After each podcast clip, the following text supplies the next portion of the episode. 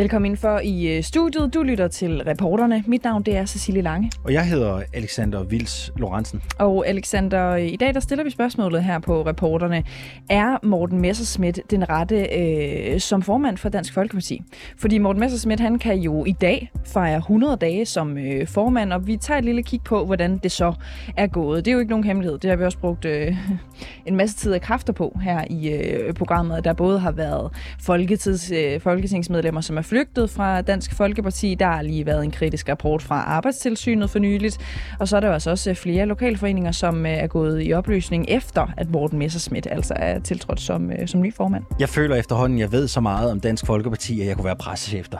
Så meget har vi beskæftiget os med det parti. Det ville da godt prøve at ringe og give dem et kald og høre, om det var, om de har en stilling åben. Er du fristet? Ja, det kan man nok godt være en gang imellem. Ja, det kan man godt. Øh, Cecilie, en anden stor historie, vi laver her til morgen, det er historien om, og det her er selvfølgelig lidt simplificeret ikke, men øh, folk i Region Midtjylland har til synlædende fået skåret lemmer af, selvom de ikke behøvede at have fået det. Øh, der er simpelthen blevet foretaget amputationer af arme og ben Mm. Fordi at personalet på regionens øh, sygehuse simpelthen har haft øh, for dårlig øh, tid, for dårlige forudsætninger til at pleje patienterne. Det er selvfølgelig super forsimplet, ikke? Mm. men det er øh, kort sagt det, den historie handler om, som vi øh, går i kast med om lidt. Og så skal det selvfølgelig også i dag handle om historien om Ibi Pibi Orup Hedegaard, Ibi Pibi, der jo har navnet Ibi Pibi, øh, fordi øh, hun er fascineret af både Pippi Langstrømpe og Ibi Støving. Øh, er det, det rigtigt? Ja, den er, god nok. Ja, ja, den er god nok. Og det kender jeg godt. Øh, vi taler med øh, inspektøren, museumsinspektøren fra øh, Museum Jorden i Silkeborg i dag. Vi spørger ham blandt andet, øh, om øh, det, der skete i fredags, øh, nu betyder, at man kommer til at placere kunstværker i Montre. Mm. Det skal vi finde ud af senere på morgen. Det her er reporterne. Godmorgen og velkommen til. I Region Midtjylland der har man fjernet arme og ben på patienter, som med en bedre behandling kunne have beholdt deres lemmer. Helt op til 92 patienter om året vurderes at kan have fået en amputation, der kunne have været undgået. Så lyder konklusionen på en ekstern analyse, som regionen har fået lavet. Og de her amputationer, der kunne være undgået, kan have foregået i op mod 10 år. Men ledelsen i regionen var ikke opmærksom på, hvor galt det stod til, lyder forklaringen fra regionsrådsformand Anders Kynav øh, og koncerndirektøren i Region Midtjylland, han hedder øh, Ole øh, Thomsen. Øh, godmorgen og velkommen til dig, Ole Thomsen. Godmorgen. Du har fortalt, at du blev opmærksom på, at noget er galt i karkirurgien første gang i 2018. Det siger du i fredags til TV MidtVest. Du siger, at I ikke får at vide, at det drejer sig om flere amputationer eller for lidt kapacitet, men at lægerne er bekymrede for patientforløb. Men i et debatindlæg i Jyllandsposten i 2000, nej slutter, mener du, at du ikke før nu er blevet gjort opmærksom på de yderste konsekvenser, den mangelfulde behandling i Region Midtjylland har haft? Ja, jeg er faktisk ikke øh, klar over problemstillingen, før vi får en rapport her for 3-4 uger siden. Så ingenting vidste du før på det tidspunkt? Vi vidste ingenting om, at vi havde for lidt kapacitet til amputationsforebyggende øh, indgreb, og heller ikke, at vi lavede for mange amputationer. I et debatindlæg i Jyllandsposten i 2018, der skriver daværende ledende overlæge på karkirurgisk afdeling i Viborg, Jes Sandermann, om de besparelser, der dengang blev planlagt for karkirurgien i Region Midtjylland. Han skriver blandt andet, når dagen er omme, mistes der ben og liv, og det ønskede beløb øh, spares på ingen måde, og en amputeret del kan ikke bringes tilbage. Han nævner jo specifikt amputationer i 2018. Hvorfor reagerede du ikke på det? Fordi den besparelse, vi lavede på det tidspunkt, havde ikke noget at gøre med vores aktivitet og kapacitet til at lave den slags indgreb, og fordi hans ledende overlæge, i hvert fald i starten af 19, der var han ikke ledende overlæge, siger, at der er ikke noget at være bekymret for. Men i 2018, der skriver øh, denne Jes Sandermann, som var daværende ledende overlæge, følgende. Han skriver, når dagen er omme, mistes der ben og liv, og det ønskede beløb spares på ingen måde, og en amputeret del kan ikke bringes tilbage. Det er et øh, tankevækkende opråb fra en ledende overlæge i regionen. Hvorfor reagerer I ikke på det?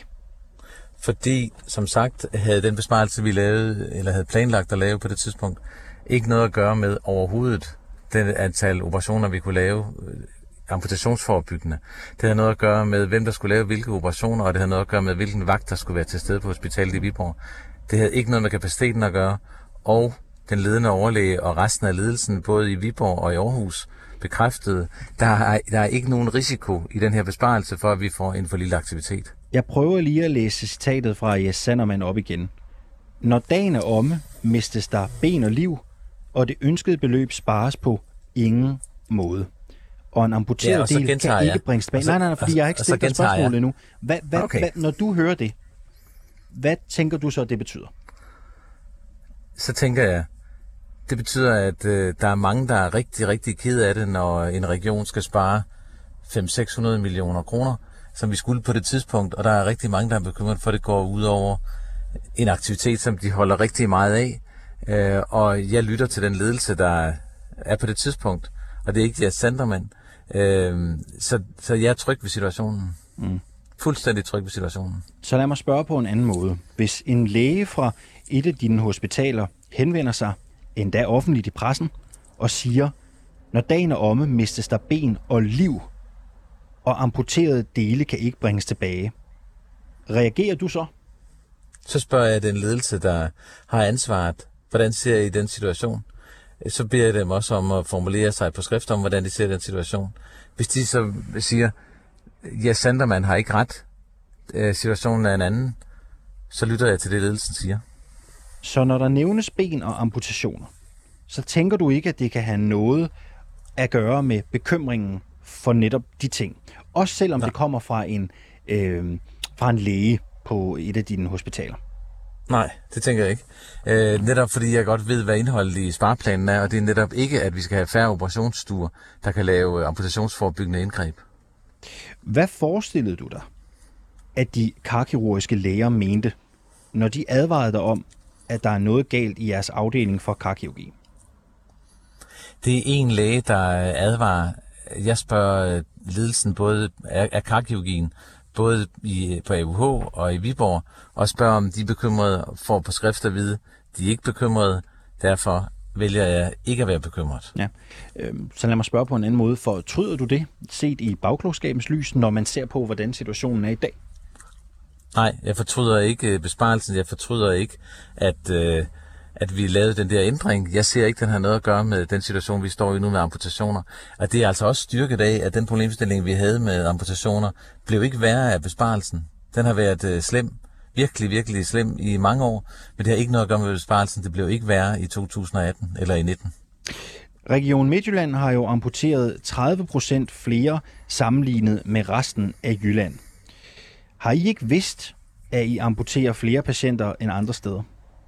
Nej, der er ikke nogen øh, tilgængelige data om det. Hvis man kigger et enkelt sted, så finder man ikke nogen data om det. det hvis man finder det ikke, hvis man kigger i årsrapporter om øh, karkirurgi for eksempel. Øh, der kommer en årsrapport hvert år om kvaliteten. Der står ikke noget om, hvor mange amputationer, der i alt foretages i en region. Men sammenligner og sparer I ikke på tværs af regioner, når det kommer til kvaliteten af jeres behandling? Jo, det gør vi, men øh, det gør vi primært på de steder, hvor vi har data. Øh, og øh, vi har ikke haft nogen data på det her område her, og som sagt har ledelserne ikke været bekymret for det, den aktivitet og det niveau, vi har haft. Derfor har vi ikke rejst et, et kvalitetsproblem, hverken i vores egen region eller på tværs af regionerne. Øhm, kapaciteten til behandling for karkirurgiske sygdomme i Region Midtjylland ligger på cirka det halve af, hvad resten af Jylland har at gøre med. Hvem har ansvaret for, at I har potentielt amputeret 92 mennesker om året, som kunne have undgået det? Sådan et ansvar, det ligger på mange niveauer. Det ligger på, hos mig, det ligger hos øh, de hospitalsledelser, der leder hospitalerne, og det ligger hos øh, de ledende læger, der, øh, der leder afdelingerne. Så det er alles skyld. Jeg siger bare, der er, du spurgte, hvor ansvaret var. Ja. Jeg sagde, at ansvaret ligger på flere niveauer. Hvor stort er dit ansvar? Jeg har et stort ansvar, fordi jeg er den øverste leder. Så har man altid et stort ansvar. Hvilken konsekvens synes du, det skal have? Det har jeg, ikke, jeg, har ikke, jeg har ikke nogen holdning til, hvilken konsekvens det skal have for mit vedkommende. Den skal regionsrådet have. Ja, jeg, tænker, Øh, jeg, jeg tænker bare, du, du er direktør. Jeg tænker, øh, nu spørger jeg dig bare. Altså, hvad synes du, konsekvenser jeg skal være svarer. for... Altså, Og jeg svarer. potentielt 92 mennesker om året øh, har fået øh, amputationer, som kunne have undgået det. Hvem, hva- hva- hvad synes du, øh, konsekvensen skal være for det? Det har jeg ikke nogen holdning til. Øh, Jeg siger netop, at øh, det er regionsrådet, der skal udmåle konsekvensen for mit vedkommende.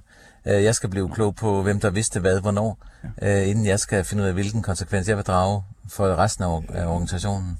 En øh, læge, som vi talte om tidligere, råbte i 2018 op om, at de besparelser, der blev indført, betød, at der kunne mistes ben og liv, og amputerede dele ikke kan bringes tilbage. Det er der ikke som sådan blevet taget hånd om, eller det blev der i hvert fald ikke. Det fik ikke nogen øh, alarmklokker til at ringe. Øh, I er i en situation nu, hvor øh, 92 øh, amputationer om året, der måske kunne have været undgået, har fundet sted. Mener du med det en mente, at øh, du kan blive siddende som direktør i Region Midtjylland? Det har jeg svaret på. Kan du forstå, hvis nogen synes, du skal fyres? Det har jeg ingen holdning til. Kan du forstå, hvis nogen synes, der er nogen, der skal fyres? Jeg kan godt forstå, hvis der er en øh, betydelig vrede over, at man kan havne i sådan en situation i et sundhedsvæsen, så hvis den vrede øh, også indebærer, at der er nogen, der synes, at nogen skal fyres, så kan jeg godt forstå det. Øh, I skriver i en pressemeddelelse, I har sendt ud om sagen, øh, der nævner I jo ikke, at op til 92 årlige amputationer kunne have været undgået, eller at I amputerer i meget højere grad end andre regioner. I skriver i stedet, vi kan desværre ikke udelukke, at nogen kunne have undgået amputation eller udsat tiden til amputation. Hvorfor nævner I ikke omfanget af problemet i pressemeddelelsen? Vi, øh, det ved jeg ikke, hvorfor vi ikke nævner det. Vi sender rapporten ud øh, offentligt. Øh, rapporten er offentligt tilgængelig, så hvis man vil øh, kende de, de helt nærmere detaljer, så, øh, så kan man finde dem i rapporten. Desuden er der rigtig mange forbehold knyttet til det der antal 92, fordi det ikke er en præcis opgørelse af Region Midtjyllands tal. Det er en opgørelse af de andre regioners tal, og så sammenligner man niveauet i Midtjylland og lander på, at vi ligger anderledes end de andre to regioner. Måske er det de andre to regioner, der ligger særligt favorabelt. Vi talte med ledelsen i Amputationsforeningen i går. Hun sagde, at det her det er den største sundhedsskandale, hun nogensinde har hørt om. Burde man ikke have skrevet det i pressemeddelelsen? Burde vi have skrevet, hvad hendes synspunkt var? Ej, man burde ikke have skrevet omfanget. Ja, det ved jeg ikke. Jeg, jeg tænkte ikke dengang, at vi skulle skrive omfang, fordi omfanget er usikkert. Det er stadigvæk usikkert, hvor mange der, der er tale om. Selv patienterstatningen er opmærksom på, at det er usikkert, hvor mange der er tale om. Er du enig i, at der er Øh, tale om en lægerne, skandale? lægerne, er, lægerne er sikre på, at, at, at, eller at det er helt sikkert, det er usikkert, hvor mange der er tale om. Det er en konkret vurdering. Er du enig om, Der der er er tale om en det er skandale? Det er jeg enig i. Hvorfor i alverden skriver I det så ikke i den pressemeddelelse, så offentligheden får indsigt i, hvad det er, der er sket i Region Midtjylland? Bør offentligheden ikke krav på at vide det? offentligheden får indsigt i, hvad der er sket i Region Midtjylland, og offentligheden har kendskab til øh, den store rapport, der ligger. De kan læse omfanget Og, i en øh, rapport, det er der jo ingen mennesker, der gør. Hvorfor står det ikke i pressemeddelelsen? Det var vores valg. Øh, vi, er, vi er i tvivl om omfanget stadigvæk. Det er stadigvæk et skøn. Skulle I have skrevet noget om omfanget af den pressemeddelelse? Fortryder du, at I ikke har gjort det? Nej, nej. Det ville I have gjort igen. Sandsynligvis, når det er et skøn. Vi Har- ikke, det er ikke eksakt viden. Har du noget, du gerne vil sige til de op til øh, mange øh, mennesker, der potentielt har fået skåret arme eller ben af, der ikke øh, måske havde behøvet at undvære lemmer? Jeg har beklaget øh, i mange medier. Jeg gør det gerne igen. Jeg har også sagt undskyld i flere medier. Jeg gør det gerne igen. Det er en forfærdelig situation, vi har bragt. Helt sikkert har bragt mange mennesker i. Vi ved ikke, hvor mange der er. Men det gør vi alt, hvad vi kan for at finde ud af, og vi gør alt, hvad vi kan for at hjælpe dem til en erstatning. Det er en dårlig, det er en, en dårlig erstatning ovenpå, at man måske har mistet et ben, øh, som man kunne have undværet at miste. Kan du forstå, øh, hvis folk har mistet tilliden til sundhedssystemet i Region Midtjylland? Jeg kan forstå, hvis det her det er et hak i tilliden. Jeg kan ikke forstå, hvis man generelt har mistet tilliden til sundhedsvæsenet i Region Midtjylland. Ole Thomsen, tak fordi du var med her til morgen. Velkommen. koncerndirektør for Region Midtjylland. Her på reporterne, der fortsætter vi med at dække sagen, og vi vil meget gerne høre fra dig, hvis du har været i behandling hos Region Midtjyllands karkirurgi inden for de sidste par år. Du kan kontakte os på reporterne 247.dk. Og vi bliver ved sagen om karkirurgi og de, ja, hvad skal vi kalde dem, tvivlsomme øh, amputationer i Region Midt. Det skal vi med øh, dig, Mads Kok Hansen. Velkommen til programmet. Du er tidligere overlæge og tidligere formand i Lægeforeningen, og i dag der er du sundhedskonsulent. Jeg ved jo, at du mener, at det her det er en øh, alvorlig sag, at de øh, på Aarhus Universitetshospital øh, er for sent ude med den forebyggende behandling, så det derfor ender med, at en del af patienterne får amputeret lemmer. Vil du ikke lige uddybe det synspunkt for os her til morgen? Altså, hvor alvorligt er det her egentlig? Altså, man kan jo selv forestille sig, hvad for en situation man ville øh, blive bragt i, hvis man øh, fik øh, amputeret et ben. Øh, det er jo en invaliderende øh, behandling, hvor man for at redde livet er nødt til at, at lave en meget, meget, meget indgribende behandling. Og man kan sige, at alvorligheden ligger jo i, at man i en del tilfælde sandsynligvis kunne have lavet et væsentligt mindre indgreb og bevaret benet. Øh, og derfor synes jeg, at det her det er meget alvorligt øh, for de mennesker, det er gået ud over. Nu ved vi så, at det her øh, er, er sket, og det er formentlig også øh, sket for øh, en del mennesker, hvor det ikke var nødvendigt at, at fjerne øh, lemmer. Hvad er egentlig alternativet til den øh, behandling? Altså, hvad kan man for eksempel øh, gøre, hvis det bliver behandlet i tide, hvor man undgår at, at skal miste et ben eller en arm for eksempel? Hvis man behandler meget tidligt og får den der øh, specialistvurdering så tidligt øh, i forløbet, øh, så kan man faktisk træne øh, ved fysisk træning. Øh, det, der hedder superviseret gangtræning, hvor man øh, øh, via en fysioterapeut lærer at udholde den øh, smerte, man oplever, og så øh, træne øh, blodkarrene op. Senere i forløbet, så er det øh, i de fleste tilfælde en ballonudvidelse, øh, man har brug for. Altså en ballonudvidelse i benet, ligesom man kender det, hvis man har øh, hjertesmerter for ballonudvidelse i hjertet. Og i andre tilfælde er man nødt til at foretage en operation på karne, hvor man laver en bypass i benet igen, ligesom man også kender fra øh, man kan få bypass i hjertet. Så der er forskellige øh, indgreb, man kan lave, alt efter hvor tidligt man kommer ind i forløbet. Mm. Og er den type behandling øh, mere eller mindre sådan ressourcekrævende, end det rent faktisk at skære for eksempel et ben af, og alle de øh, eftervirkninger, som det kan give? Altså, der vil jeg umiddelbart sige, at det er væsentligt mindre indgreb, øh, og de er også væsentligt mindre ressourcekrævende, og så er det jo en behandling, som har væsentligt, væsentligt svære, færre bivirkninger for den, det går ud over. Det bedste er selvfølgelig, hvis man kan tage det så tidligt og træne, øh, så man aldrig får brug for en operation. Det vil være det ideelle. Øh, det næstbedste, det er, når man kan lave en ballonudvidelse, fordi det er et meget nemt indgreb at øh, at få som patient. Man, man får bare et stik i, i huden, og så øh, foregår det hele inde bag ved huden. Mm. Så ikke nok med, at Region øh, Midt øh, formentlig har amputeret flere mennesker, end hvad der var nødvendigt. Altså mennesker, som har mistet arme og ben, så de også brugt øh, flere ressourcer formentlig på øh, at lave de her meget voldsomme indgreb. Øh, ja, fordi øh, det er en, øh, en væsentlig mere syg patient, øh, der bliver amputeret, end den patient, som øh, kommer ind tidligere. Det betyder, at det er lange indlæggelser, og når du nu er inde på det, så vil jeg sige, så sender man samtidig en regning videre til den kommune, hvor patienten bor. Mm. En amputationspatient koster cirka en halvanden million for en kommune om året. Øh, så derfor så er det jo også en, en, øh, en, øh, hvad hedder det, en økonomisk konsekvens for andre dele af sundhedsvæsenet, i det her tilfælde kommunerne. I 2016 til 2007, der blev der udført 30 procent flere amputationer på lår og underben i Region Midtjylland end i det øvrige øh, Jylland. Øh, det betyder, at 92 øh, flere amputationer årligt formentlig har fundet sted i gennemsnit. Hvordan lyder de der talforhold i dine ører? Altså, det lyder som øh, for det første at det er, der er en væsentlig forskel i den øh, operationskapacitet, man har til rådighed, og så lyder det også som, at man, øh, at det er jo et ret meget, meget stort antal mennesker, det her går ud over, og, og, og tit familie jo. Øh, øh, så, så det er nogle voldsomme tal, øh, som du beskriver det her. Nu hører vi jo øh, fra den tidligere øh, kilde, vi øh, havde på for et ganske kort, øh, øh for et ganske kort øh, øjeblik øh, siden, nemlig Ole Thomsen, som er øh, koncerndirektør i Region Midtjylland, at han mener ikke, at øh, de her forhold blev værre efter den besparelse, som skete i 2018. Øh, hvad ligger du i det?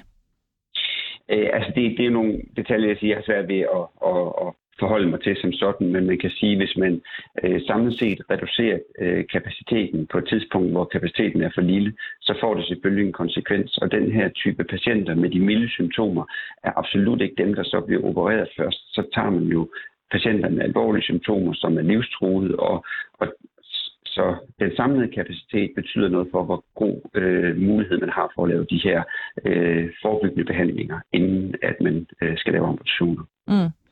Vi hører jo også, at øh, man ikke på den måde har været øh, bevidst om, at øh, tallet lå meget højere i Region Midt end alle mulige andre steder. Øh, hvad får det dig til at tænke, altså at den her øh, sparring på tværs af regioner og på tværs af afdeling åbenbart øh, ikke er foregået? Øh, jeg vil sige, at i dag tror jeg, at man er også så vanvittig over, at man ikke har lavet sådan en, en sammenligning. Øh, fordi øh, der er selvfølgelig folk, der har vidst det her i systemet. Det kan være øh, overlæger på afdelingen, som har været bekendt med, at det har været meget, meget svært at få tid til at operere patienterne, og som har vist, hvordan det så ud. Men spørgsmålet er, hvor, hvor man har vist det øh, selvfølgelig. Øh, og, og det er jo en, en helt... Øh, det er jo en meget ulykkelig situation for de her patienter, men man må også sige ledelsesmæssigt, er det jo også meget tankevækkende, at man egentlig har så store forskelle øh, på en befolkningsgruppe, som øh, er sammenlignelig. Øh, at der burde ikke være så store forskelle. Altså, man kan jo sammenligne det med, hvis, hvis kapaciteten på kraftområdet var den halve, eller, eller kapaciteten på hjerteoperationsområdet også var den halve, at det tror jeg altså ikke, man havde stiltigende siddet og accepteret. Der tror jeg, man havde ageret meget, meget tidligere. Mm. Hvis du skulle prøve at give et bud på, hvor vi finder øh, de ansvarlige for, at flere patienter er endt i, i amputationssituationer, som jo kunne have været øh, undgået, øh, hvor skal vi så kigge hen? Jeg tænker, at man skal kigge et eller andet sted i ledelsessystemet. Som sagt, så er der jo, der er jo nogen, der har været opmærksom på det her, vidst det her, som har meldt det til en leder, og den leder har jo kunnet vælge det videre i systemet, og det er jo så stoppet på et eller andet tidspunkt, har man valgt at sige, at det er ikke noget, vi går videre med. Øh, det, det, det, altså, og, det, og det har jeg ingen mulighed for at sige, hvor det er henne. Mm. Men kan man på øh, den baggrund, synes du, blive siddende som faglig leder øh, på så vigtigt et område, hvis man vælger at se igennem fingre med det her? Øh, det er bare, hvad du synes. Det, ja, det må være en konkret vurdering af, øh, hvorfor øh, at situationen er, som den er. Øh, og, og, og det kender jeg simpelthen ikke nok til. Det er, altså, jeg synes, det her det er meget alvorligt, og derfor tænker jeg, at man er jo meget øh, opsat på formentlig at undersøge nu, hvad er det egentlig, der er sket, hvorfor vi er kommet i den her situation, og, og hvilke konklusioner de skal drage på baggrund. Det, det kan jeg jo ikke udtale mig om, men jeg synes, det er alvorligt. Mads Kok Hansen, øh, tidligere overlæger, tidligere formand i Lægeforeningen. I morgen øh, kan du høre mere om sagen, og det kan vores lytter også derude. Tusind tak, fordi du var med her til morgen, og vi kigger selvfølgelig videre på patienternes perspektiv, når vi ja, blandt andet taler med Hjerteforeningen.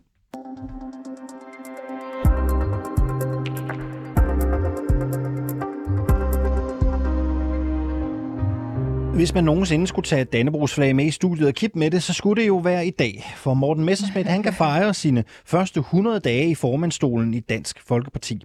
Spørgsmålet er jo, om der egentlig er noget at fejre. Øh, hvad, hvordan synes du, det er gået? Jeg synes, jeg har talt meget om ham ja. øh, i radioen. Der har været mange sådan nedslagspunkter. Jeg, min overordnede vurdering vil være som journalist, at jeg synes, vi har hørt om flere nederlagensejre. Ja, øh, der er folketingsmedlemmer, der er flygtet.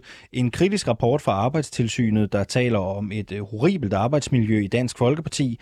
Der er flere lokalforeninger, der er gået i opløsning, og så er der jo til synligheden også øh, slikskuffe 20, der har været på spil over i Dansk Folkeparti. Det er nok min sekretariat, ikke? Ja. Øh, vores kollega Camilla Michelle Mikkelsen har talt med Mikkel Fagerholt. Han er journalist og forfatter til en ganske fremragende bog, der hedder Skaberen, Taberen og Frelseren, som netop handler om Dansk Folkeparti.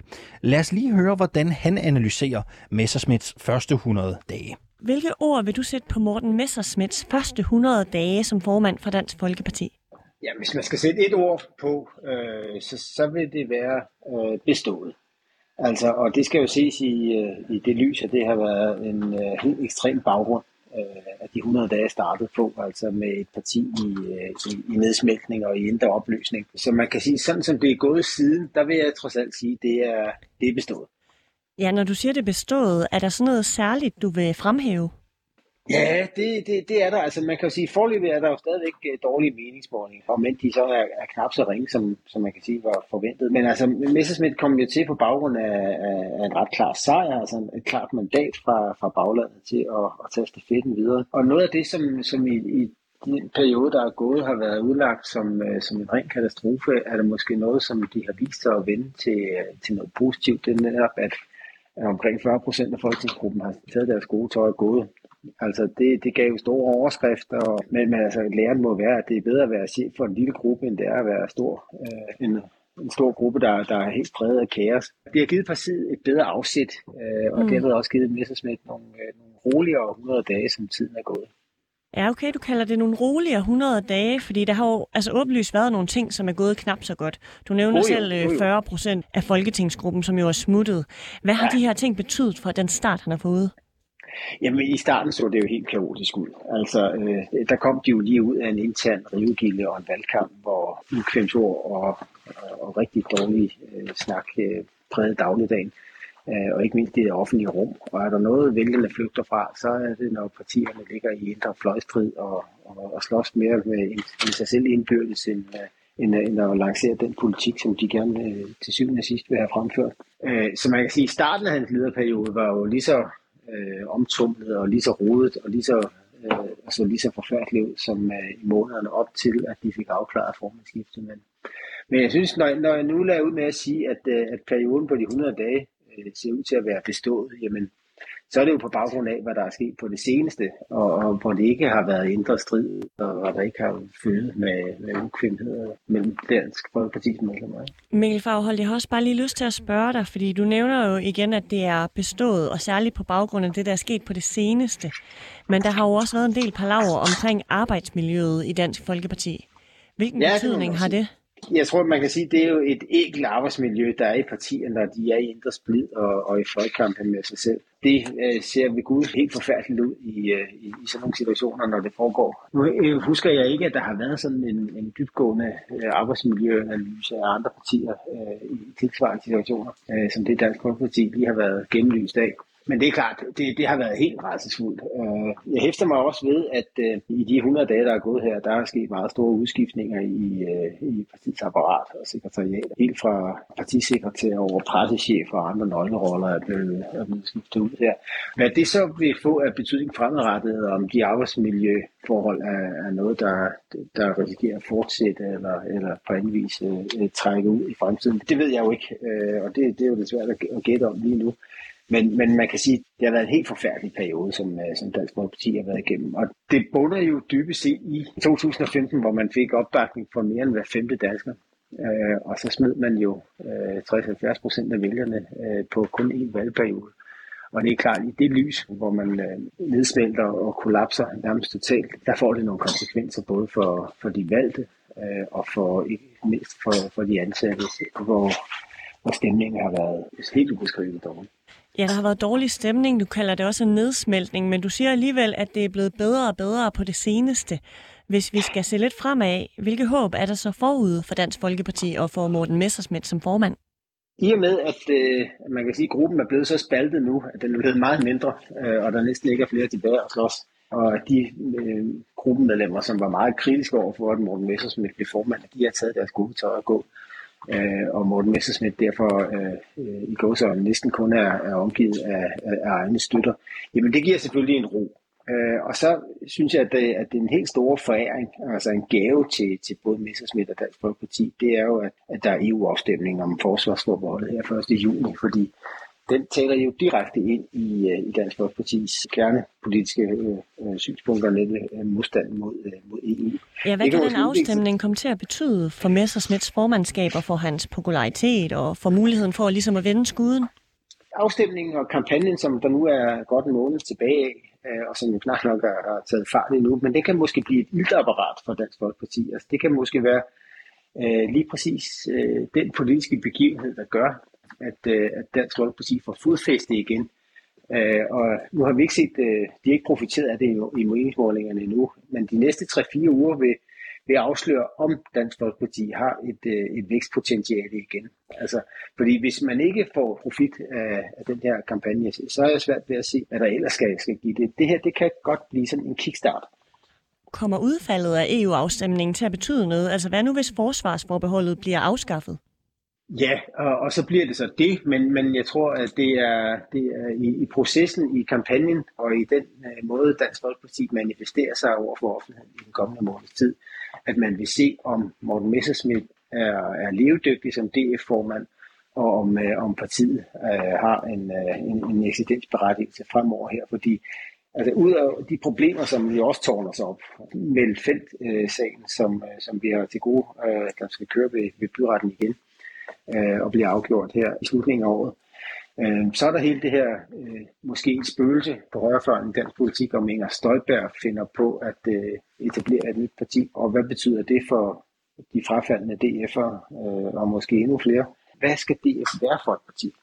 Fordi alle de solo ting, som, øh, som man slog sig op på i det sidste kvart århundrede, hvor Dansk Folkeparti voksede sig meget, meget store. Skrab udlændingepolitik, modstand mod EU og et meget stort fokus på, på ældrepolitik. Jamen det er jo alle sammen politikområder, som de fleste partier har overtaget i dag, i hvert fald for, for så vidt angår øh, ældre og, og udlændinge. Så de der særkender, som Dansk Folkeparti voksede sig store med, de er spredt ud på de andre partier også nu. Så det spændende bliver, når vi kommer også forbi EU-afstemningen her, om Morten Messersmith får formuleret, hvad DF egentlig skal leve af holdningsmæssigt i fremtiden, og hvad man har at byde på. Er det det, vi mangler? En klar definition af, hvad skal DF være i fremtiden?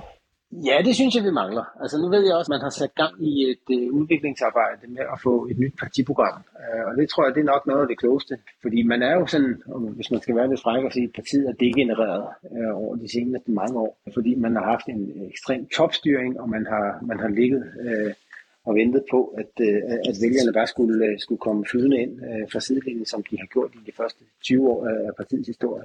Det er jo kun her på det seneste, de sidste 5-6 år, at, at vælgerne er fosset ud af butikken igen. Og det er de netop gjort, fordi man ikke har fornyet sig politisk, fordi man hele tiden har kørt i det samme spor, og derfor ikke har kunnet have nye varer på hylderne. Morten Messersmith, han må i hvert fald på med arbejdshandsken. Mikkel Fagerholt, journalist, tusind tak, fordi du var med. Selv tak.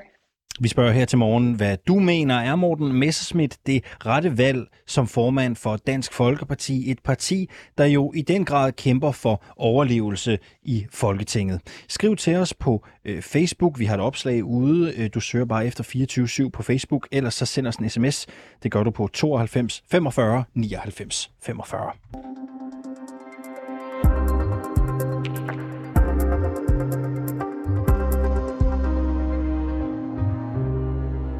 Nick Hækkerup er ikke længere justitsminister i øh, Danmark. Nej, han har sagt øh, farvel og tak til et af de mest øh, magtfulde jobs i Danmark til fordel for jobbet som direktør i Bryggeriforeningen, altså brancheorganisationen for bryggerier og tapperier i, i Danmark.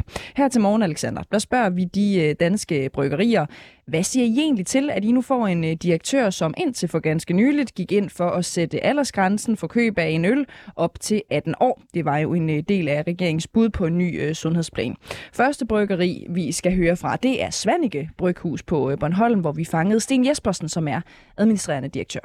Vi har jo OK med. Jeg synes, det er helt fint. Han som politiker har givet udtryk for sin holdning, og, og nu, nu skal jeg så ind og arbejde for en interesseorganisation. Så må vi jo må vi tale med ham om det. Det er, det er helt fint. Der er ikke noget problem. Hvad hvis han tager sin politiske holdning med og siger, at han ikke synes, I skal sælge produkter til folk under 18? Vil det være OK? Ja, han må da godt give udtryk for sin mening. Men altså, han er jo ansat af en bryggeriforening til at varetage fags interesser og sådan noget, så, så må man finde ud af, hvad, hvad er det, der er fags interesser? Det vil være mit diplomatiske svar til det spørgsmål. Ja. Vil du synes, det var problematisk, hvis han holdt fast i sin politiske overbevisning? Altså ikke hvis han holdt den privat, men det er klart, hvis, hvis der, men der kan jo ikke have en direktør, der er imod øh, åben skole og imod øh, det, som branchen øh, har som interesse eller kræver. Og hvad det så end er, det, det må man jo finde ud af. Mm. Jeg går ud fra, at du synes, at det skal være muligt for folk under 18 og så måtte købe produkter, ikke? Altså øl. Nej, ikke nødvendigvis. Nå, okay. Det skulle være forbudt, eller hvad? Jeg synes egentlig, er helt privat. Jeg har ikke talt med min egen bestyrelse om det. Nej, ja, jeg har ikke noget imod, at man er lidt mere restriktion omkring alkohol. Hvor gammel synes du, man skulle være for at måtte købe alkohol? Altså 18 år? Er det en fin grænse? 18 år, synes jeg er en fin grænse. Okay. Det, det var jeg over. Jeg er bare overrasket over, at du svarede det. Det havde jeg sgu ikke lige forventet, men det er da ærligt snak. Nej. Ja. Yeah. Nå, okay. Jamen vil du være tusind tak skal du have. Det er, da, det er sgu da progressivt. Tak skal du have. okay, godt. Hej du. Godt. Hej. Goddag. Ja, goddag David. Du taler med Alexander Lorentzen. Jeg er journalist og ringer fra 24-7. Hej. David, jeg ringer og sidder i et studie og optager, og vil høre, om jeg må stille dig et øh, hurtigt spørgsmål om øl. Om hvad siger du undskyld? Om et hurtigt spørgsmål om øl. Må jeg stille dig det? Ja, det må du da. Ja, ja. Jeg ringer øh, for at blive klogere på, hvordan du har det med, at jeres brancheforening, øh, Bryggeriforeningen, nu får en direktør i Nick Hækkerup, som indtil for nylig synes, at ingen under 18 år må købe øl. Oh, ja. ja, for, ja, for, hvordan skal jeg svare på det? sgu? Uh, Bare, bare, bare hvad du tænker om det er fint nok. altså, jeg er faktisk, øh, altså, jeg, jeg, jeg tror faktisk, han vil, han vil udfylde rollen rigtig godt, for han kontakter, skal til. Øhm, men, men var det noget, han har stået for, eller noget, andre har stået for? Altså, det, det, det tror jeg, man skal spørge ham selv om, hvad han mener om det i dag. Det er, jo en, han, det er jo et udspil, som han var en del af som minister i regeringen. Ja, Så- det var han en del af, men altså, det ved jeg sgu ikke. Altså, vi synes jo selvfølgelig heller ikke, at børn skal drikke øl. Altså, det er jo ikke det, det handler om. Øh, men om de skal være 15 eller 16, eller, eller hvad de skal være. Øh, ja, der er jo en lovgivning om det nu. Hvad nu, hvis Nick Hækkerup, jeg- jeg- øh, hvad nu, hvis Nick Hækkerup kommer ind i sit nye job der i Bryggeriforeningen og siger, jeg synes ikke, at nogen under 18 år skal købe øh, dine produkter, øh, David. Hvad siger du så til så det? jeg, så vil jeg tro, at, at øh, ikke alene jeg, men ret mange i branchen vil have en anden holdning end, øh, end ham. Så, så det, det, tror jeg ikke, han vil, øh, det tror jeg ikke, han vil på held med. Så vil det blive en kort ansættelse. Nu er det ikke mig, der er ansat. men jeg vil tro, i hvert fald ikke tro, at han er særlig stor opbakning til det. Jeg må, jeg må spørge på en anden måde. Føler du dig tryg ved, at jeres brancheorganisation snart får en direktør, som, som mener, at vi skal drikke mindre øl og ikke mere, fordi det er skadeligt for vores sundhed? Oha, øh, skal jeg være diplomat nu, eller hvad skal jeg være? Du skal bare være ærlig. jeg, jeg tror, at han nok skal varetage vores interesse rigtig fint. Øh, og, og jeg tror tit, det ser man vel også med andre politikere, at de har en holdning, og de sidder et sted, og når de så kommer ud i det rigtige politiske erhvervsliv, så, så kan det være, at de finder ud af, hvordan tingene rigtig foregår, tænker jeg. Det er nok noget, der Midtbyens Bryghus, vent venlig.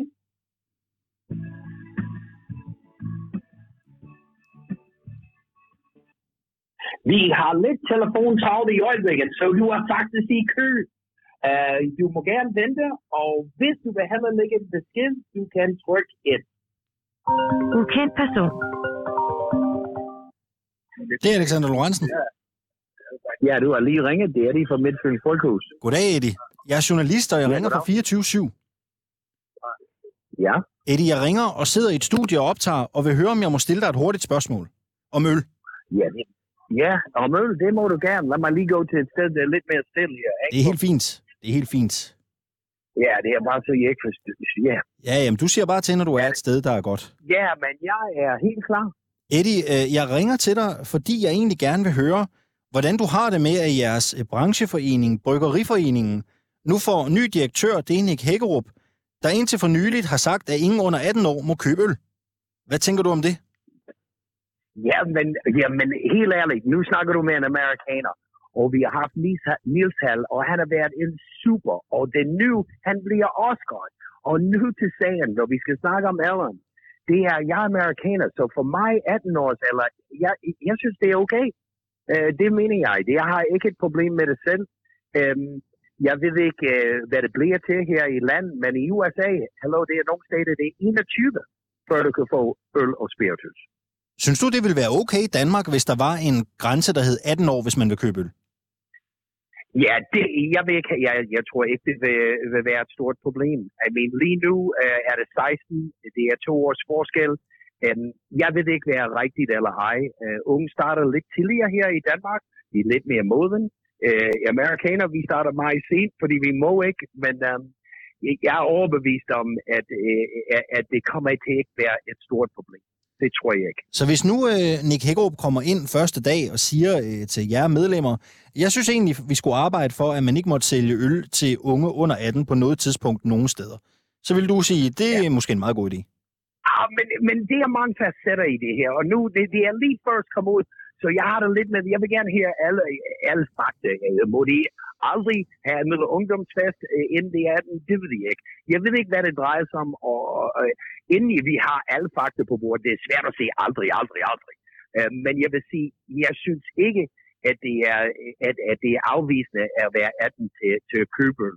Kan man til en familiefest drikke en øl som 16-17? Selvfølgelig skal man kunne det.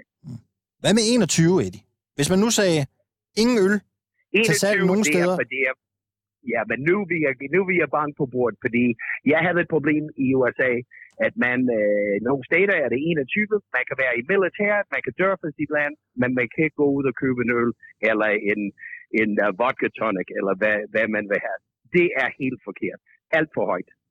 Hvornår har du sidst selv været beruset i øl? Øh, ved du hvad?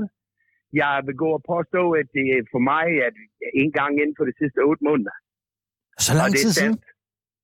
Jo, fordi Nå. prøv lige at høre her, jeg har med det til at gøre til det daglige. Jeg holder 130 ølsmagninger om året, og jeg kører bil. Så man skal også passe på det. det man drikker ikke og, og, og kører bil. Så det er for mig, øhm, jeg smager på masser af ting. Men at være fuld beruset, det har jeg ikke været i de sidste ja, over otte måneder, vil jeg tro. Det er sgu i orden. Ved du hvad, tak fordi jeg måtte ringe til dig. Magisk. Nick Hækkerup, han starter for øvrigt øh, Ja. 1. juni i sit nye job i Bryggeriforeningen. Først så talte jeg med Sten Jespersen, som er direktør i Svanike Bryghus. Så var det David Jensen, som er medejer af Bryghuset Møn. Og til sidst Edith Sveda, som er direktør i Midtfyns Bryghus. Han var min yndlings, det må jeg bare sige. Og du kunne overhovedet ikke relatere til ham, da han sagde, at han ikke har været fuld øl i otte måneder, vel? Nej, det tror jeg, jeg var i går sidst. Fredag troppede Ibi Pibi Orup Hedegaard op på øh, Museum Jorn i Silkeborg og limede et fotografi af sig selv på det kendte Asger Jorn-maleri, Den foruroligende Elling. Og så signerede hun sit værk med en sort spritus.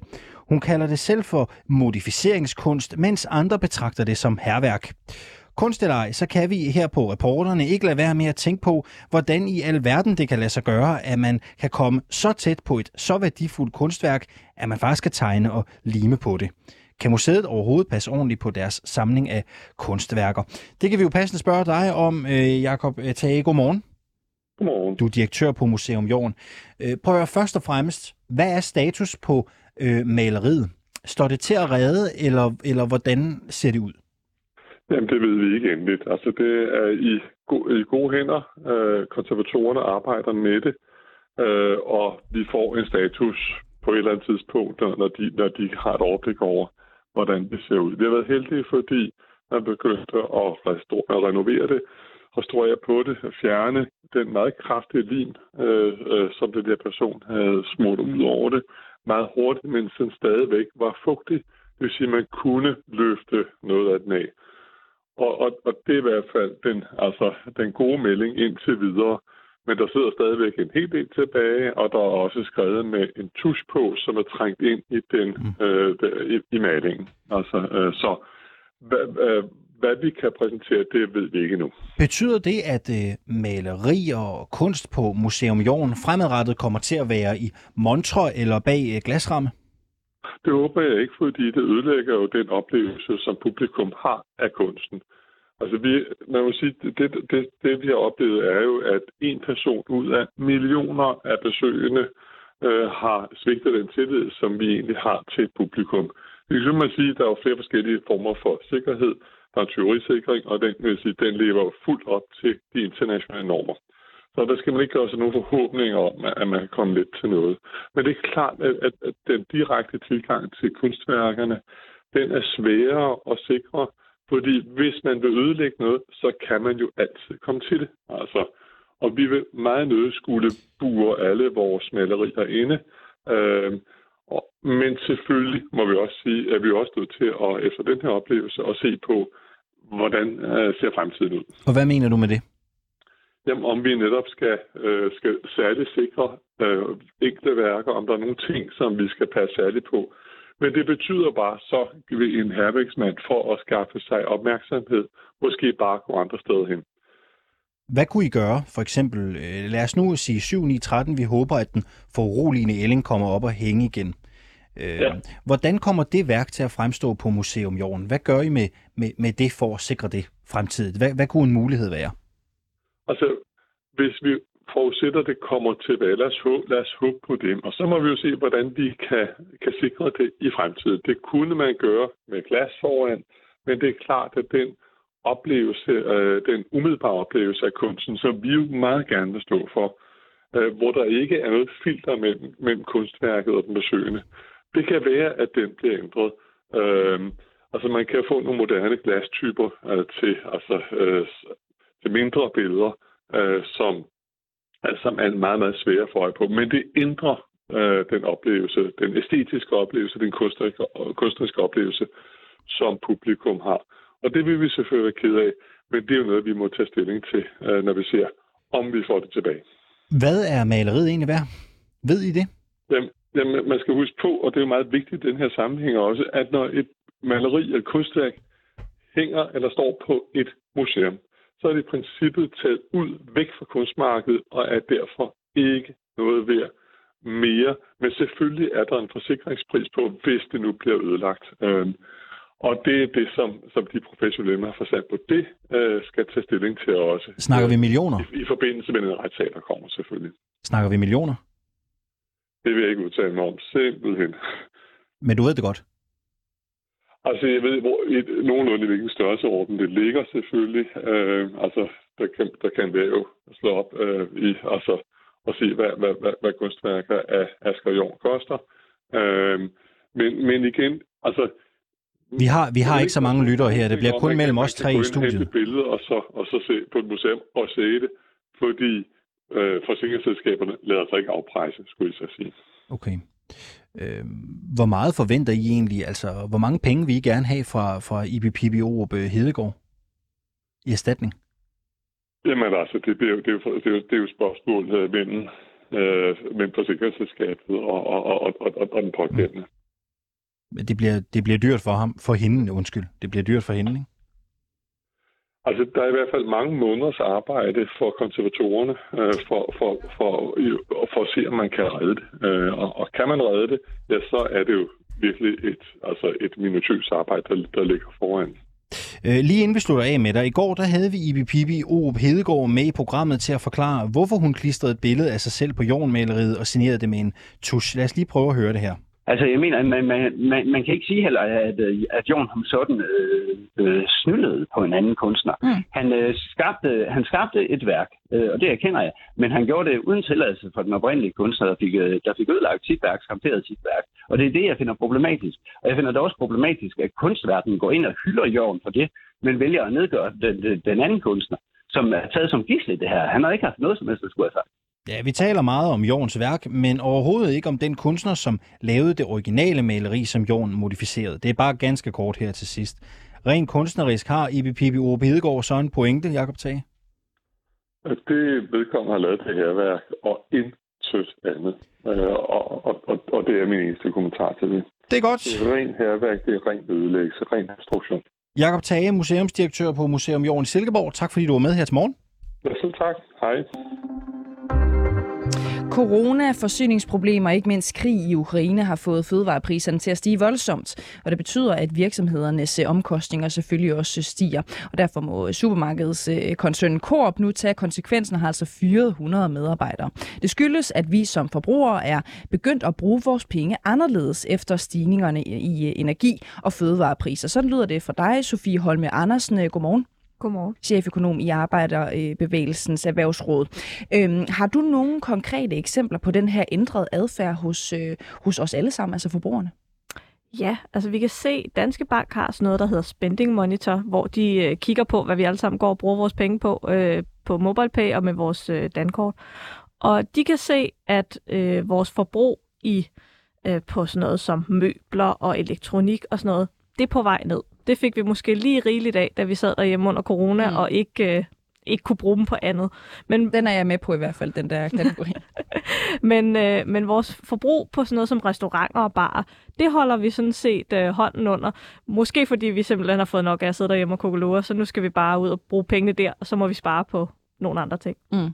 Øhm, kan vi forvente, at flere virksomheder må fyre medarbejdere på den her øh, konto, altså det, at vi har ændret vores adfærd? Ja, altså hvis der sker et stort forbrugsskift, som man jo øh, så under corona, der skete det ligesom fra tjenester over mod varer, og hvis vi nu får en, en modreaktion, så kan man godt forestille sig, at de virksomheder, som øh, ja, sælger mange varer, sælger møbler, øh, sådan nogle ting, de, øh, at de kommer til at stå over for nogle afskedelser. Men så er det jo heldigt, at vi har godt gang i økonomien, og at der er, der er gode muligheder for at komme ind andre steder. Øhm, så, så selvom der skulle ske fyringer et sted i økonomien, så kan de blive suget op et andet sted. Mm. Så bare lige sådan for at skære det helt ud i pap, øh, at det du siger, at øh, vi bruger vores øh, penge mere på, øh, hvad skal man sige, tjenester, oplevelser øh, over for øh, produkter og varer, sådan som vi kan have i hænderne et eller andet sted. Ja, altså det er det, vi kan se i tallene, at øh, for eksempel detailomsætningen, den holder, øh, den er sådan set konstant i kroner og øre, men fordi priserne er steget, så får vi færre varer. Men øh, over på tjenestesiden, altså over på restaurantbesøg, barer, koncerter, der holder vi der, der bl- har vi stadig en, et, en god stigning, eller i hvert fald ikke noget fald endnu. Mm. Og hvorfor tror du egentlig, det er sådan? Ja, det har jo nok noget at gøre med corona, at øh, nu er vi simpelthen blevet trætte af at sidde derhjemme, og så må vi spise lidt mere havregryn, og så komme ud og se hinanden alligevel. Mm. Hvem tror du står for skud, altså hvis de her prisstigninger de fortsætter? Altså hvilke øh, erhverv skal vi sådan lige have et øh, ekstra skarpt øje øh, rettet mod?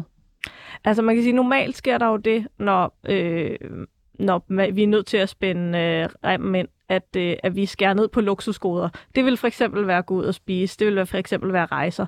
Men spørgsmålet er, om vi kommer til at se det samme, når vi nu altså, har et stort opsparet behov, øhm, og faktisk også en stor opsparet formue, fordi at øh, selvom vi har brugt penge på ja, ting til huset derhjemme, så har vi ikke brugt lige så mange penge, som vi gjorde før mm. under corona. Så når øh, de her øh, oplevelser, restaurantbesøg, øh, ud med, til drinks med veninderne og, og sådan noget, det måske ikke længere er øh, luksusvarer, fordi vi har undværet det så lang tid, at vi tænker, det er nærmest et, øh, et behov eller et vilkår for øh, at have et godt liv.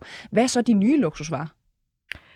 Øh, det er jo et godt spørgsmål, men det kunne godt være ting til huset, øh, fordi at vi sådan, jamen, nu, skal vi, nu er vi endelig kommet ud, så nu skal vi faktisk ikke bruge så meget tid derhjemme. Så det er okay, at den der sofa øh, er nogle år gammel. Det er okay, at vi skal måske ikke bruge et helt fitnesscenter hjemme i huset, fordi vi kan faktisk gå ud i fitnesscenteret og bruge de maskiner, der står dernede. Nu har vi sådan hørt om ting. rigtig meget, altså sådan fra, øh, nu, nu taler vi om Coop, der for eksempel har fyret 100 øh, medarbejdere, øh, og jeg er lidt nysgerrig på det der med, hvad vi bruger øh, på mad for eksempel. Altså er der nogen øh, madvarer, vi hører, at madolie stiger, pomfritterne bliver dyrere, det bliver dyrere at få ned og gå ned og få en, få en burger for eksempel. Kan man se det her på vores øh, forbrug af mad? Fordi det skal vi jo have, vi skal jo have mad at spise, men er der nogle øh, fødevareprodukter, som vi skærer fra, måske fordi vi ser dem som luksus? Det er ikke noget, vi, vi sådan kan se tallene. Vi kan ikke komme så langt ned og sige, øh, folk køber mindre oksekød. Det, det skal du have fat i en øh, ja, Coop for eksempel, øh, og høre, om de vil ud med de tal. Øhm, så, så det er ikke som sådan noget, vi kan se. Men vi hører jo fra, fra supermarkedskæderne, øh, at, øh, at vi er begyndt at bruge, købe mere discount, altså købe øh, off-label, i stedet for at købe, øh, købe brands. Og det er jo faktisk lidt imod den bevægelse, vi egentlig har set øh, de senere år, ikke?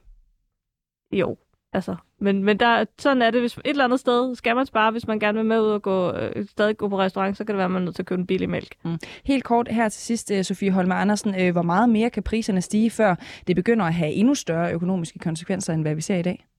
Altså, hver gang de stiger øh, mere, så, øh, så får det jo større konsekvenser. Vi regnede på, at det ville have konsekvenser i størrelsesordenen 13.500 beskæftigede, beskæftigede. Alt andet lige, altså det vil ikke sige et fald på, øh, på 13.500, men, men bare en mindre stigning øh, med det, de priser, vi så tilbage i slutningen af februar. Så det kan jo godt være blevet noget større. Sofie Holme Andersen, cheføkonom i Arbejderbevægelsens Erhvervsråd. Tak fordi du var med her til morgen. Velkommen. Og det var, øh, hvad der var på øh, programmet, i hvert fald her i første time af øh, reporterne. Vi gør os stille og roligt klar til et nyhedsoverblik. På den anden side af klokken 8, der skal vi høre fra Morten Schelsbæk. Han sidder i byrådet for det konservative Folkeparti i Solrød Byråd. Og han er utilfreds med, mm. at vi skal sætte lys i vinduerne for at hylde eller mindes ukrainerne ja. i morgen. Ja, for det hvor det jo er Danmarks befrielsesaften, ikke? den 4. maj lige præcis.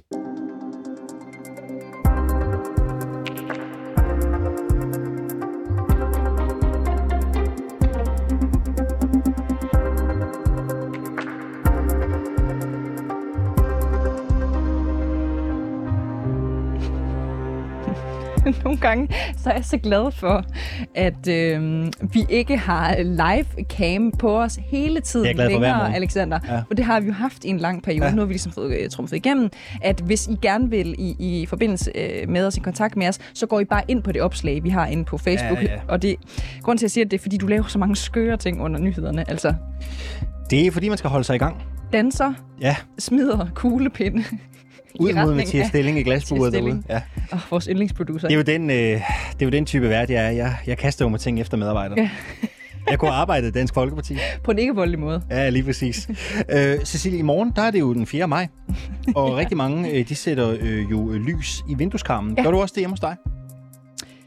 Ej, det, øh, nu fanger du mig lidt, fordi det, det plejer jeg faktisk ikke at gøre. Øhm, Der plejer i hvert fald ikke at være en lejlighed til, at du gør det. jo. Nå. Altså jo i forbindelse med, du ved, krig og en verdenskrig og sådan noget. Nå. Så, så er, det, er det den fjerde eller femte egentlig, man, Ja, man det er jo den femte, der det er Danmarks befrielse, Ja, men, men befrielsesbudskabet fjerde. Ja. kommer jo den 4. om Jo, aftenen. jo, præcis. Ja. Jeg har faktisk været dårlig til det igennem en længere Ja. øh, overrække. Jeg skal jeg være helt ærlig, jeg har aldrig gjort det, og det er da egentlig en skam. Det skal man da Jeg kan gøre. godt lide, at du startede med at sige, at du har været dårlig til det i en længere overrække. Ja, altså helt øh, Men du har faktisk aldrig øh, gjort det. 29 år Ja, har jeg været dårlig præcis. til det. Ikke? Ja. Men prøv at, øh, om lidt over 24 timer, mm. så sætter øh, som sagt mange danskere lys i vinduerne for at markere årsdagen for Danmarks befrielse efter 2. verdenskrig i 45. Ja. Men i år, der kæmper et andet stort arrangement om opmærksomheden, nemlig en tale fra Ukraines præsident Volodymyr Zelensky til det danske folk, arrangeret af Politiken og Jyllandsposten. Mm. Et arrangement, der også opfordrer danskerne til at tænde et lys for folket i Ukraine. Det har fået det konservative byrådsmedlem fra Solrød Kommune, Morten Schelsbæk, til at skrive følgende, og jeg læser op fra hans Twitter nu. Mm.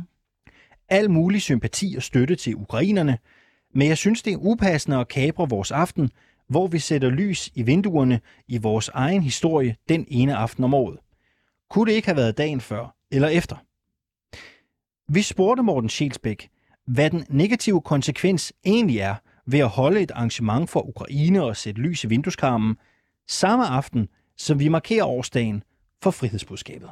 Der er jo 365 dage om året, og derfor så synes jeg, at, øh, at, man, kan, at man kan markere det alle mulige øh, andre dage. Og så synes jeg, at, øh, at nogle af de ganske, ganske få mærkedage, som vi har, som knytter sig direkte til vores egen historie, øh, dem, skal vi, dem skal vi holde i hævd. Men hvad er den negative konsekvens ved, at man lige netop har øh, det her arrangement øh, til støtte for ukrainerne på samme aften? Altså, hvad er den negative konsekvens ved det? Jamen, den negative konsekvens er jo, at hvis vi øh, ikke øh, hvis vi ikke holder vores egne faste traditioner i hævd, men øh, stille og roligt kobler dem sammen med andre øh, andre øh, markeringer og andre ting, men så mister de jo øh, stille og roligt deres værdi. Øh, og det er jo ikke denne ene markering, hvor vi, hvor, vi, hvor vi blander Ukraine ind i vores befrielsesaften. Men det kan jo være om to år, så er det noget andet, eller om fire år, så er det noget tredje. Så derfor er det, er det jeg, jeg, kan jo godt, jeg kan jo godt se, jeg hører, at det lyder lidt spids, det her med, at vi vil have vores aften for os selv. Men det er jo i virkeligheden, fordi vi gerne vil bevare den, og så, så kan der være plads til aftener, så, hvor vi markerer andre ting på andre tidspunkter. Øh, i, i, I den her debat, der har været øh, de seneste dage, der er der jo flere unge mennesker, der har skrevet, øh, blandt andet på mine øh, Twitter-opslag, at må, måske ved den unge generation i dag slet ikke, hvorfor vi markerer den 4. maj, hvorfor vi sætter lys i vinduerne. Og hvis vi så begynder at, øh, at inddrage andre ting, andre konflikter, andre besættelsesmagter i, i den markering, øh, så, så, så hjælper vi jo i hvert fald ikke yngre generationer til at forstå, hvad det oprindeligt kom fra. Men nogen vil jo netop mene, at befrielsesdagen ikke har været mere relevant i nyere tid, end den er nu, med Ruslands besættelse af Ukraine. Og derfor er der også nogen, der vil mene, at det jo giver fin mening, at man har øh, det her arrangement for ukrainerne på en aften, hvor friheden i den grad har været centrum. Kan der ikke være en pointe i netop at holde det her ukrainske arrangement sammen med den her historiske aften, som den altid har været i Danmark? Øh, nej, altså det, det ændrer jo ikke ved, at det vi fejrer, eller det vi i hvert fald traditionelt har fejret, og nu, nu har jeg set, at det er omkring 40 procent af danskerne, som, som, som, som sætter ly- levende lys i vinduerne 4. maj. Det, som vi fejrer, er jo i øvrigt også noget andet, end det, der foregår i Ukraine i dag. Altså, vi fejrer jo, at vi blev befriet. Vi, vi fejrede, at en besættelsesmagt var slået og havde tabt, øh, ikke til os, men i hvert fald til vores allierede. Øh, det, det kan jo i virkeligheden heller ikke sammenlignes med den situation, der er i Ukraine nu, hvor der ikke er nogen, der har vundet eller tabt øh, ud over de ukrainske øh, indbyggere. Så der, der er ikke nogen, der er befriet endnu. Og på den, det synes jeg i virkeligheden er, er, er et yderligere argument for, at det bliver lidt en, det bliver lidt en mærkelig sammenblanding af markeringer. Og, og hele min, min vigtigste pointe er i virkeligheden, at jeg synes, at vores 4. maj er en så vigtig markering, at den skal have sin egen aften. Og jeg synes, at situationen i Ukraine er så vigtig en, øh, en, en situation, at den fortjener sin egen markering. Og, og der må jo alt andet lige, og i øvrigt også, når, når store medier og tv-stationer øh, kobler det sammen, så har det jo alt andet lige en betydning for, om folk de forstår de to ting øh, separat fra hinanden, eller om de begynder at koble dem sammen. Det er jo Jyllandsposten og politikken, der arrangerer øh, det her arrangement, ikke? Øh, Tænd et lys øh, i mørket. Øh, de har jo valgt at lægge det den her konkrete dag. Synes du, det er udansk? Og det er jo et, et begreb, jeg ikke, jeg ikke bryder mig om. Jeg, jeg, og jeg, og jeg, jeg har også brugt ordet taber, og jeg synes også, det, at det, det, det, det, det var måske lidt for, lidt, lidt, lidt for, lidt for kægt. Altså det, jeg i virkeligheden synes, det er måske mere, at det er lidt, at det er lidt ærgerligt, at de to markeringer ikke får hver deres øh, liv. Men, men, men, men det er jo altså sådan, at hver evigt eneste gang, vi rykker en lille bitte millimeter ved en eller anden god gammel tradition, vi har, så mister det jo også en tilsvarende millimeter af sin betydning.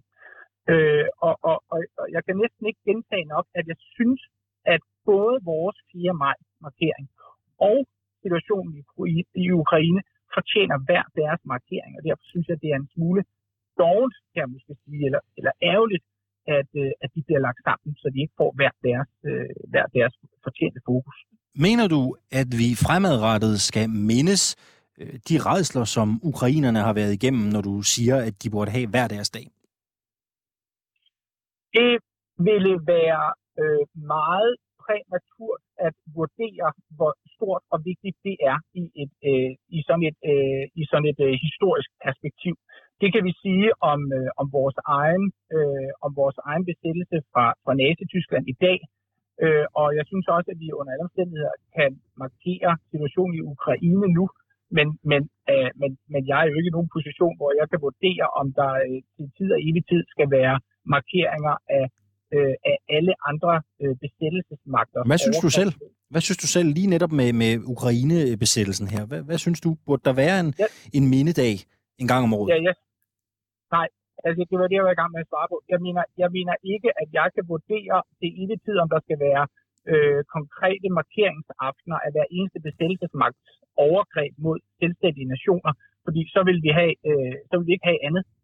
Og jeg synes også, at, øh, at, men jeg synes i hvert fald i første omgang, at vi bør markere det nu, som vi øvrigt øh, gør i alle de, i, de, i de måneder, vi er i gang med nu. Men, men, jeg, men jeg vil også gerne sige, at der, der må jo være, altså der er jo forskel på i, den, i, den, i vores danske historie og dansk kultur, om det er Danmark, der er blevet besat af, øh, et, øh, af et naboland, eller om det er et afrikansk land, der er blevet besat af sit naboland, eller et sydøstasiatisk, eller så videre. Det har jo, det må vi, vi kan, jo, vi kan jo ikke lade som om, at det ikke har betydning for vores situation, vores kultur, vores historie, og derfor er der jo også et forskel på, hvor højt man skal vægte forskellige øh, konflikter og sager i verdenshistorien. Ja, det, det, det, det, det, du mener, det er mindre vigtigt, ikke? End, end hvad der lige har påvirket os selv? Ja, det, ja, det vil være mærkeligt at påstå, at alle konflikter og besættelser i verdenshistorien var nøjagtigt lige vigtige set fra et dansk perspektiv, ja. Synes du, det her tegner sig til at blive en konflikt, som fortjener sådan en årlig markeringsdag? Det ved jeg simpelthen ikke. Det aner jeg simpelthen ikke. Jeg er ikke historiker, jeg er uddannet journalist, og jeg arbejder øh, med noget helt andet. Det ved jeg ikke. Altså det, jeg kan vurdere, øh, og også øh, ud fra mine egne holdninger, det er, at vores 4. maj, hvor vi markerer, at, øh, at vi blev befriet fra Nazi-Tyskland, det, øh, jeg kan ikke se umiddelbart nogen ende på, at vi skal markere det. Og jeg synes, at øh, lige nu og her, og øh, der skal vi markere vores støtte øh, til ukrainerne i deres kamp mod deres bestemmelsesmagt. Og, og, men jeg kan jo ikke, jeg, jeg tør ikke forudsige, hvad der sker øh, i, øh, rundt omkring i, øh, i mange år frem. Men jeg synes, at lige nu og her, der fortjener begge markeringer hver deres aften. Og derfor synes jeg, det er, det er lidt ærgerligt, at de bliver slået sammen. Hvad skal der ske hjemme hos dig den 4. maj? Vi sætter, øh, vi sætter altid lys i vinduerne øh, den øh, 4. maj, øh, for, at, øh, for at mindes vores øh, egen historie her. Men du kommer ikke til at se Zelinskis tale? Ja, Det ved jeg sådan ikke. Det er jo generelt utroligt lidt flow-tv, jeg ser. Øh, jeg kommer under alle omstændigheder til at høre, hvad han har sagt øh, i dagene efter osv., men, men, men, men det ved jeg sådan ikke. Det har jeg ikke planlagt. Og det er altså på Rådhuspladsen i København, at øh, Ukraines præsident Volodymyr Zelensky taler via et link naturligvis. Øh, og det gør han i aften kl. 21 til det her event, der altså er arrangeret af Jyllandsposten og øh, Politiken. Mandag blev den præcisfyldte post som øh, politisk ordfører i Socialdemokratiet i øh, Folketingets øh, gruppe ledig. Men hvem er kandidaterne til posten? Det skal vi blive en lille smule klogere på nu. Det skal vi sammen med dig, Emil Winkler. Godmorgen. Godmorgen. Politisk redaktør her på 24-7. Emil øh, Winkler, det er ikke længere øh, øh, Christian Rabia øh, Madsen, som skal være politisk øh, ordfører. Hvem skal det så være? ja, det bliver jo interessant at se øh, senere. Øh, den politiske ordførerpost har faktisk skiftet en del i den her valgperiode, fordi der jo har været nogle ministerrokader, Mm. mm. som har gjort, at den politiske ordfører er trådt ind i regeringen. Det startede jo med, at Jesper Petersen blev uddannelses- og forskningsminister og endte så med øh, at blive minister, øh, eller som gik fra at være øh, politisk ordfører til at blive minister. Senere var det Jeppe Brugs, og nu er det så Christian Rabia. Så øh, tilbage står vi med, hvad jeg vil vurdere, fire-fem kandidater. Kan vi ikke lige prøve at få nogle navne på bordet? Altså, Jo. hvem ser du som de mest oplagte fire kandidater altså til, til posten? Jo, altså jeg vil sige, øh, der er jo Rasmus Stoklund, som er et oplagt bud. Han øh, har gjort det rigtig godt. Så har vi Kasper Sandkær, der lige nu er, er kultur- og medieordfører. Øhm, så har vi Jens Jol, som øh, har siddet i Folketinget siden 2011, som også kunne øh, måske kandidere til posten. Beskæftiger sig meget med skole og undervisning for tiden, ikke? Øh, Stof. Øh, ja, og EU. Mm. Øhm, og så har vi øh, et par joker, synes jeg. Fordi øh, vi har jo en tidligere minister, Benny Engelbrecht, som øh, står og mangler et eller andet at, at rive i. Øh, selvfølgelig har han noget finansordførerskab og så videre. Men, men, øh, Også Benny and the Black Ties, ikke? Ja, præcis. Men, men øh, han kunne være et, øh, han kunne også være et, et, et frægt bud. Øh, og så, så synes jeg der også, der er en, der er interessant, øh, som øh, er ny i Folketingsgruppen, Ida Augen. Ja. Det vil være, hvis man gerne vil have en kvinde, så vil hun i hvert fald være det mest oplagte bud. Det, der jo så taler imod, det er, at hun simpelthen lige kommer fra de radikale, og, øh, og derfor jo ikke har været medlem af partiet så længe. Mm. Skal vi ikke lige prøve at tage sådan de mest oplagte kandidater og, og, og snakke en lille smule for imod, når du er allerede i gang med det med, med Ida Augen, altså øh, ret øh, ny i, i Folketingsgruppen, og altså øh, i hvert fald hos øh, Socialdemokratiet. Øhm, men hvad taler for Ida Augen? Hun er en super dygtig kommunikator. Hun har et stærkt brand, særligt i København, hvor, øh, hvor hun også var opstillet for de radikale.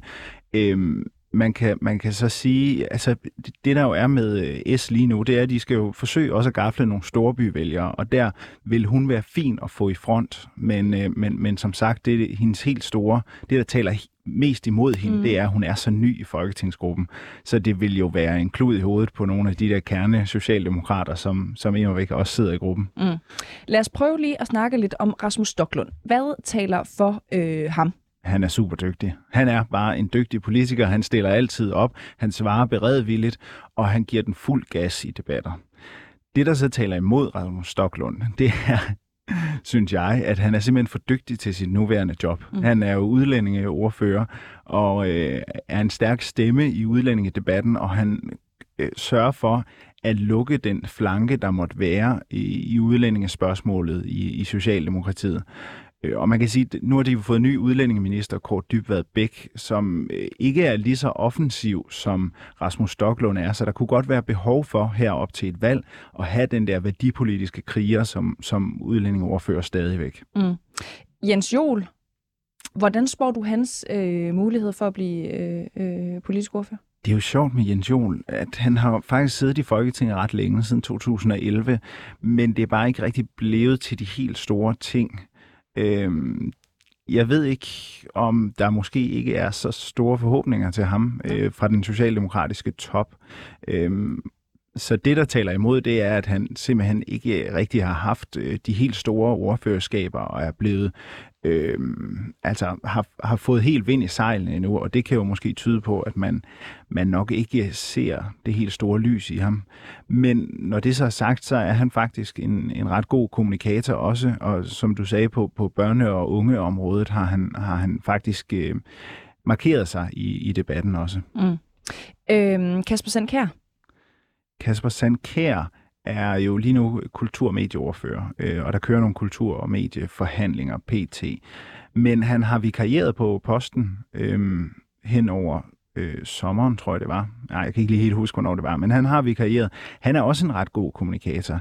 Han er stadig ret nyvalgt. Altså, han, øh, han blev valgt i 2019, så, så måske skal man også lige se, hvor, hvor meget kan han egentlig. Fordi man skal huske, den, den politiske ordførerpost er en post, hvor du står helt i front, og mm. hele tiden skal være tilgængelig og forsvare alt, hvad partiet gør. Øhm, nogle gange har, har man øh, kaldt den politiske ordførerpost for komiske Ali, fordi man, øh, man altid skal stå og være, altså, øh, være øh, beredvillig på at svare, uanset om det er, hvad, hvad regeringen gør, mm. eller hvad Socialdemokratiet gør. Jeg kan huske, øh, Inger Støjberg var jo øh, politisk ordfører i Venstre, mm. og jeg tror, det var der, det der komiske Ali over for øh, politiske ordfører opstod.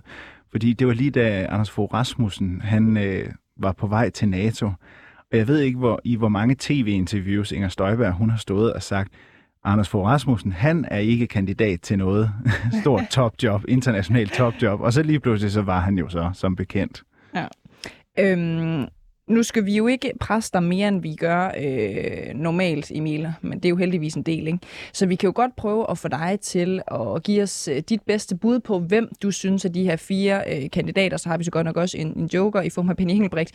Øh, hvem af de fem kandidater måske, kan man sige, som du synes har de bedste chancer, hvis du skal lægge hovedet på blokken i dag? Hvad siger du så? Mm, der er mange, der taler om Stoklund. Ja. Hvem vil du selv vælge, Mm, hvis det var dig, der var øh, Mette Frederiksen? Det er et lidt sjovt spørgsmål. Det er det nemlig. Ja, lidt. Godt, Alexander. Ja, det er et meget sjovt spørgsmål. Altså, som sagt, jeg vil, være, jeg, jeg vil meget gerne have Stoklund, hvis det var mig, der var Mette Frederiksen, fordi han, han er så, så offensiv og så aktiv. Øhm, omvendt, som jeg også lige sagde, at så er der altså også et behov for, øh, for, for ham øh, på udlændingeposten. Derfor så vil jeg nok øh, satse på Kasper Sandkær. Ja.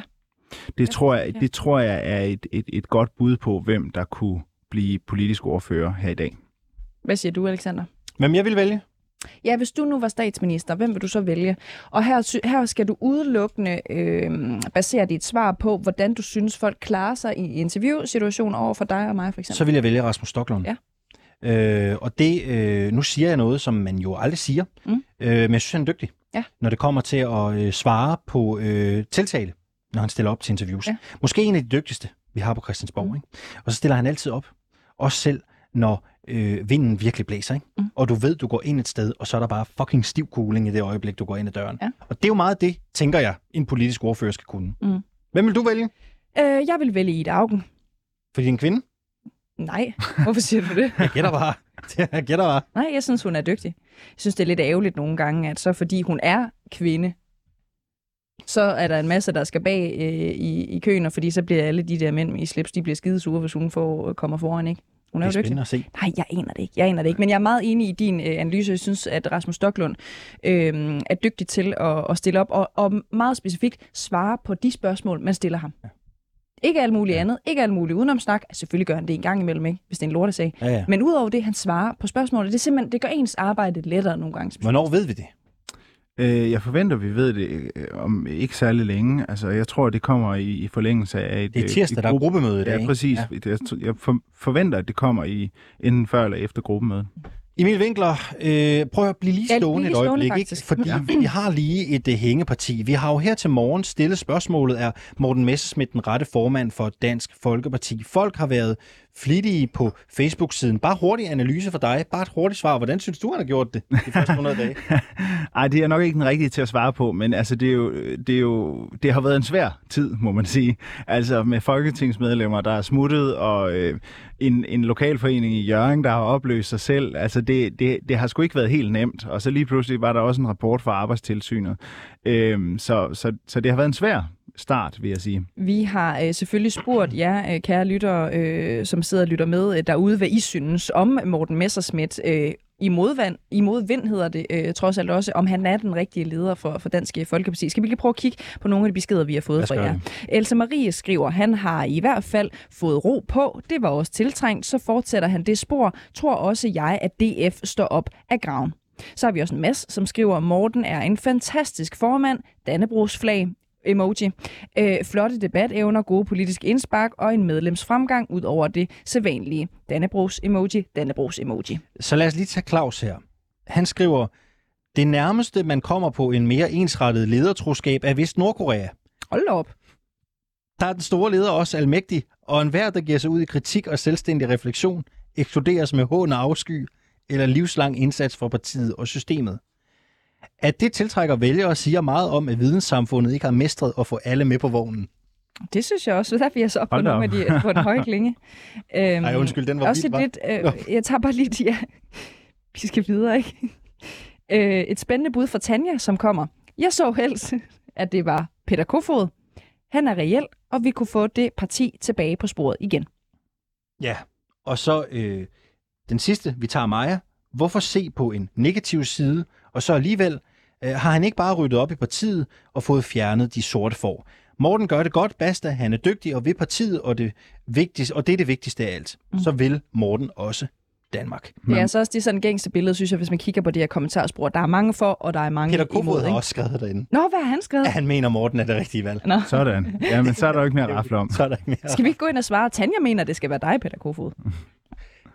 Det var, hvad der var på programmet for reporteren Emil, øh, Emil Winkler. Tak fordi du var med Ja, tak, her til morgen. Ja, Politisk redaktør. Øh, Mathias Stilling er producer. Sørget for, at vi er kommet godt igennem morgens program. Husk, du kan finde det her afsnit og alle afsnit af reporterne, der hvor du finder din podcast. Tips og tricks er altid velkomne. Reporterne, snabelag 247.dk.